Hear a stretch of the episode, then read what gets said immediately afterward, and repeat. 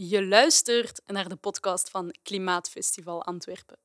Ik ben Maite. En ik ben Julia. Wat kunnen we als individu doen om klimaatverandering tegen te gaan? Moeten we allemaal klimaatactivist worden? En wat betekent dat juist, klimaatactivisme? Faiza Oulassen zet zich al jaren in voor het klimaat. Als programmadirecteur Klimaat en Energie bij Greenpeace Nederland strijdt ze tegen klimaatverandering. In deze aflevering vertelt ze waarom ze klimaatactivist werd, wat haar inspireerde en hoe belangrijk het is om je politieke stem te verheffen.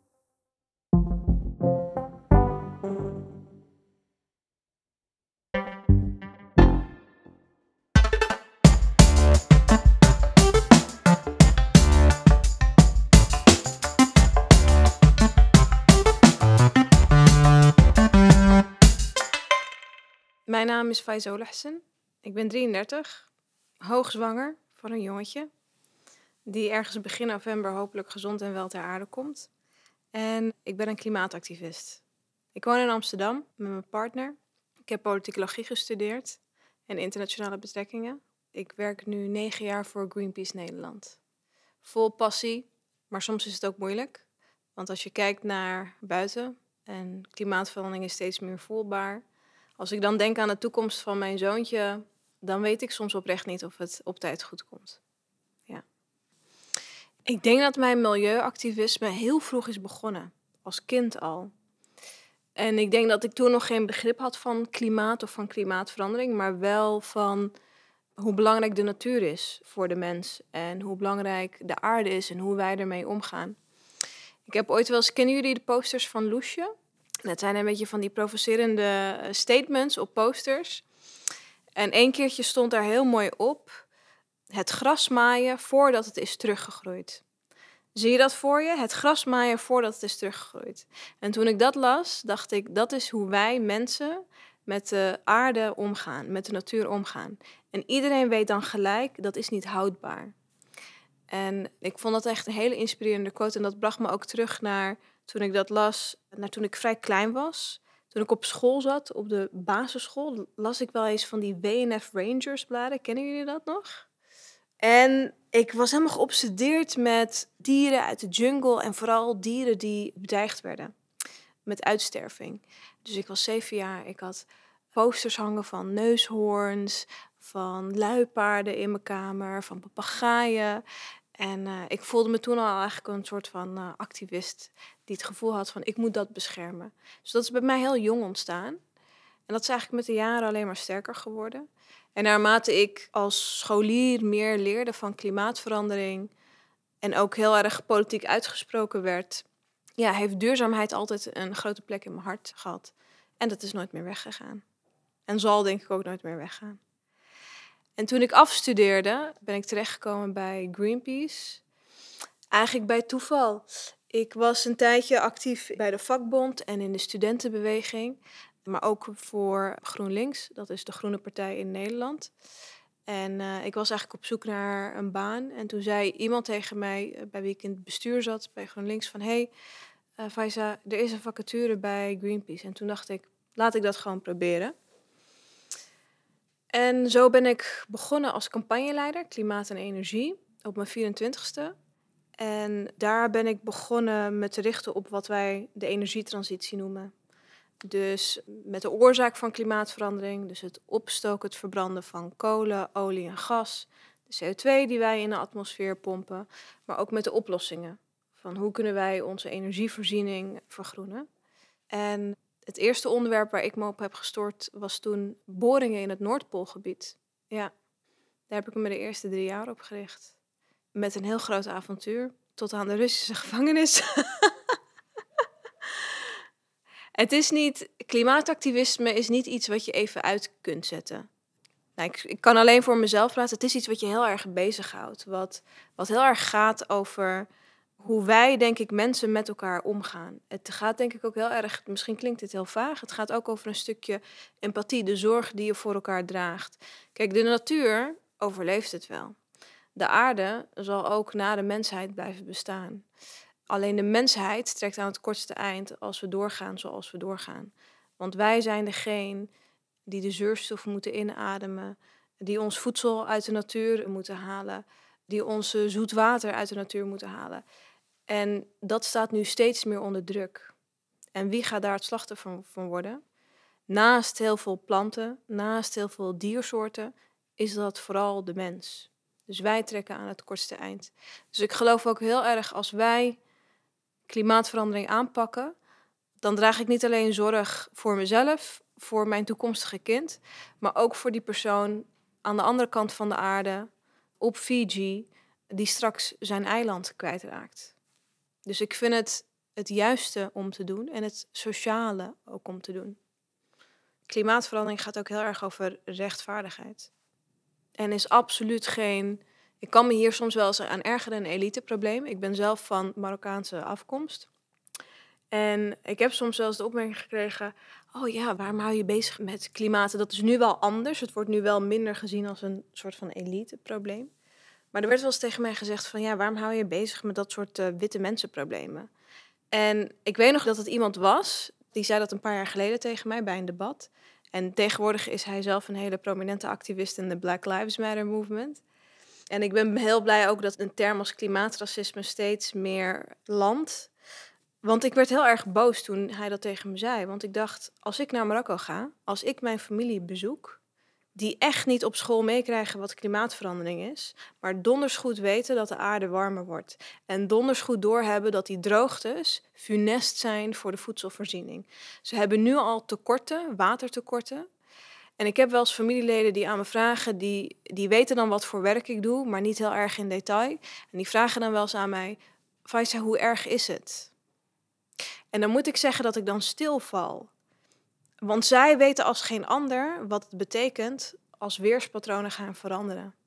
Zij weten als geen ander wat het betekent als er droogtes ontstaan, als de zee is leeggevist, als je plantages uitdrogen, als de bodem erodeert, als het water je letterlijk aan de lippen staat.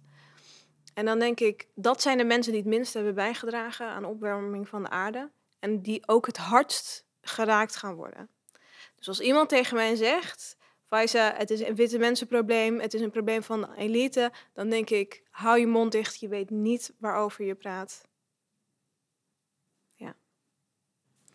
Ik begon in 2011 bij Greenpeace en dat was vlak voordat Shell, het oliebedrijf Shell, voor de kust van Alaska in het Noordpoolgebied naar olie wilde gaan boren. Ze wilden daar proefboringen doen. En dat is het stomste wat je kan doen als klimaatverandering ons één ding zegt, is dat we minder olie moeten gaan opstoken. Laat staan naar de verste plekken op aarde gaan om de laatste druppels olie uit te knijpen. Maar ik weet nog in die tijd dat we campagne voerden om uh, de Noordpool te beschermen.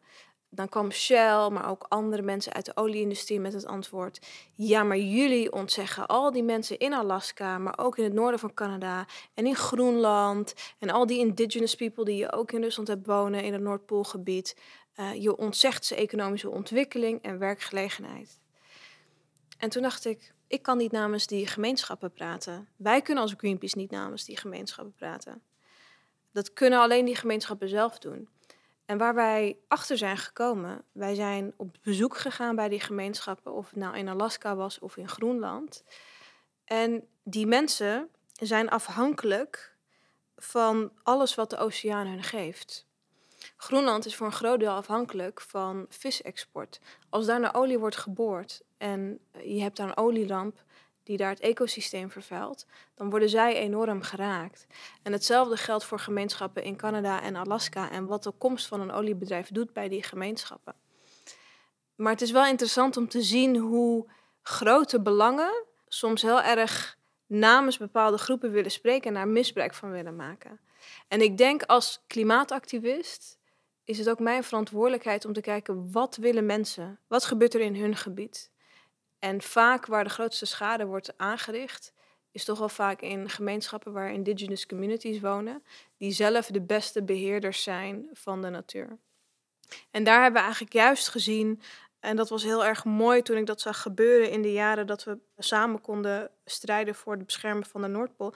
Dat al die indigenous communities over het gehele Noordpoolgebied van Rusland tot aan Alaska handen ineensloegen en zeiden van alles wat er in het Noordpoolgebied gebeurt, daar willen wij een zeggenschap over hebben.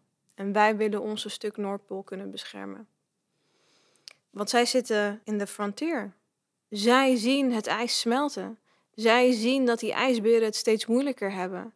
Zij zien dat die walvissen het steeds moeilijker hebben. En die weten denk ik als geen ander wat er moet gebeuren. Maar dat betekent ook voor een organisatie als Greenpeace om daar geen blinde vlek voor te hebben. Om naar die mensen toe te gaan en niet te zeggen van hé, hey, dit is wat de klimaatwetenschap ons vertelt. Maar om aan die mensen te vragen, wat wil je en hoe kunnen we samenwerken? En dat is denk ik heel belangrijk. Dat is denk ik, zeker als je kijkt naar wat er nu gebeurt, ik noem het maar de post-George Floyd-protesten. Ook organisaties als Greenpeace komen oorspronkelijk uit het Westen. Wij zijn ook een relatief witte organisatie. Wil dat zeggen dat je fout bent? Nee, maar het betekent wel dat je meer moeite moet doen om mensen die zich niet met jouw organisatie kunnen identificeren en andersom, om die te begrijpen en om die een stem te geven. En dat was voor ons echt wel een uitdaging in, toen we steden voor het Noordpoolgebied. Maar daar was denk ik eh, ja, een van de belangrijkste dingen die ik heb geleerd. Je moet naar die mensen luisteren. Net als dat ik soms vanuit mijn etnische achtergrond andere ervaringen heb dan mijn Nederlandse medeburger. Omdat die gewoon niet een vergelijkbare achtergrond hebben. Dus ik probeer ook heel erg mijn afkomst te gebruiken om te voorkomen dat ik als klimaatactivist van Greenpeace die blinde vlek ontwikkel. Ondanks dat ik ergens ook een kind van het Westen ben, want ik ben geboren en getogen in Nederland. Ik zou liegen als ik zou zeggen dat ik me niet machteloos voel, soms in mijn strijd tegen klimaatverandering. Eén ding is denk ik wel heel belangrijk, want mensen vragen heel vaak aan mij: Faisa, wat kan ik doen om klimaatverandering aan te pakken? Wat kan ik doen om de wereld groener en duurzamer te maken? En dan zeg ik: je kunt twee dingen doen. Je kunt zoveel mogelijk je levensstijl vergroenen, de auto laten staan, niet meer vliegen, de fiets pakken, de trein pakken, zoveel mogelijk biologisch kopen, ledlampen indraaien, zoveel mogelijk recyclen, uh, zo min mogelijk consumeren, maar juist herbruiken. Maar dat is heel erg het individu. Uh, maar daarmee weet ik ook, tuurlijk maakt dat wel een beetje verschil. Maar daarmee gaat de kolencentrale aan de rand van de stad nog blijven draaien. En de vliegtuigen vliegen nog steeds op kerosine. En de schepen varen nog steeds op stookolie. En de olievelden die worden nog steeds leeggepompt. Dus daarom zeg ik, je kunt wel degelijk je leven vergroenen. Maar het tweede ding wat je kunt doen, en dat is ook het belangrijkste, is je politieke stem gebruiken. En als je kijkt naar de afgelopen honderden jaren, elke vorm, want klimaatverandering is uiteindelijk een politieke strijd, is uiteindelijk een machtsstrijd.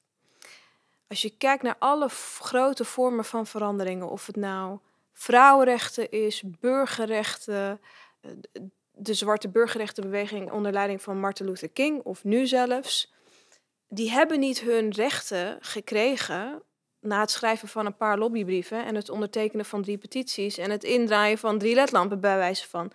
Die hebben dat voor elkaar gekregen met acties, met protesten, met massaal samen met andere mensen druk uit te oefenen op politici en op de overheid. En dit moet je ook doen bij klimaatverandering. Dus weet je, wees groen, maar vergeet nooit om je politieke stem te gebruiken. Of het nou is op wie je gaat stemmen, op welke politicus je stemt, of de straat op gaan om actie te ondernemen. En dat is het allerbelangrijkste. Kijk, het meest inspirerende voorbeeld voor mij is Rosa Parks, 1955. En ik noem dit voorbeeld heel vaak. Zij pakte de bus. Ja, ze kon, ze moest in het zwarte deel van de bus zitten en niet in het witte deel, dus waar de witte mensen zitten. Zij ging uit protest in het witte deel van de bus zitten en zij werd gearresteerd. Eén vrouw, één actie op één dag heeft in de jaren daarna een enorme beweging ontketend die tien jaar later onder leiding van Martin Luther King tot een mega-overwinning heeft geleid. En niet alles is perfect voor de zwarte gemeenschap. Dat weten we, dat zien we nu al helemaal. Maar toen is er echt iets bereikt. En dat is begonnen bij een vrouw die actie ondernam. En als een journalist aan haar had gevraagd: Dear Mrs. Parks, or Dear Miss Parks, what difference did your action made? Na het voeren van een actie, want ik voer zelf ook als een klimaatactivist acties, krijg ik wel eens de vraag van: ja, welk verschil heb je nu gemaakt? heb je nu de wereld gered met deze actie? Nee. We proberen iets in gang te zetten of stop te zetten. Een actie is een katalysator. Dus ook toen de scholieren vorig jaar en masse gingen demonstreren, snapte de Belgische overheid en Belgische politici: hey, klimaatverandering, dat moeten we serieus nemen. We kunnen niet alleen maar mooie woorden verkopen en luchtballonnen oplaten en denken dat mensen dat wel goed genoeg vinden. En die politieke stem is denk ik echt het meest belangrijke. En dat doe je samen en niet het individu. Want als je kijkt naar, er is niks makkelijkers dan voor bedrijven, fossiele bedrijven, die er belang bij hebben om gewoon door te gaan met business as usual, te zeggen: hé, hey, zolang jij, Julia, zolang jij consumeert, zolang jij een kopje koffie drinkt, uh, de auto vol tankt, onwarme douche wil en je telefoon wil opladen, zolang jij dat wil, ja, dan blijven wij olie oppompen. Dat heeft een keertje de CEO van Shell letterlijk gezegd. Ik blijf oppompen zolang ik kan blijven oppompen. Maar jij in je eentje kunt niet de gehele energievoorziening wijzigen. En dat moet je ook niet van een individu vragen. Dat doe je samen. Naomi Klein zegt het als iemand aan haar vraagt van what can I do? Eh, dat noemt zij de triumph of neoliberalism. We hebben alles gereduceerd tot het individu. En daarmee de burger machteloos gemaakt. We zijn geen burgers meer, maar consumenten. We hebben in Nederland, ik geloof in de jaren negentig, een overheidscampagne. Met de slogan: Een beter milieu begint bij jezelf. Een van de meest krachtige slogans die blij blijft hangen. En ik ben heel blij dat er tegenwoordig een boek is met de titel Een beter milieu begint niet bij jezelf. En dat de schrijver heel goed uitlegt hoe funest dat denken is geweest. De campagne is zelfs succesvol geweest in de zin van uh, een catchy slogan die bij blijft hangen. Maar die heeft daardoor ook het milieu gereduceerd tot het individu, tot de consument. En daarmee jou als burger, ons als beweging machteloos gemaakt. En als ik dan kijk naar de klimaatbeweging, zeker hoe de klimaatbeweging is gegroeid met dank aan de scholieren en de studenten, dan denk ik dat is ons gewicht in de schaal in deze machtsstrijd.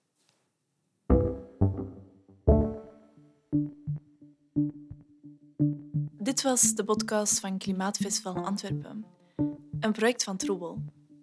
Bedankt om te luisteren. Vind je deze podcast leuk? Neem dan even de tijd om een review achter te laten. Zo help je anderen deze podcast te vinden. Deze podcast is opgenomen in muziekstudio De Kiem. Productie, muziek en opname door Kaat Schilds. Beeld door designstudio Catapult. Dank aan 1111 en de burgerbegroting van het district Antwerpen om deze podcast mee mogelijk te maken.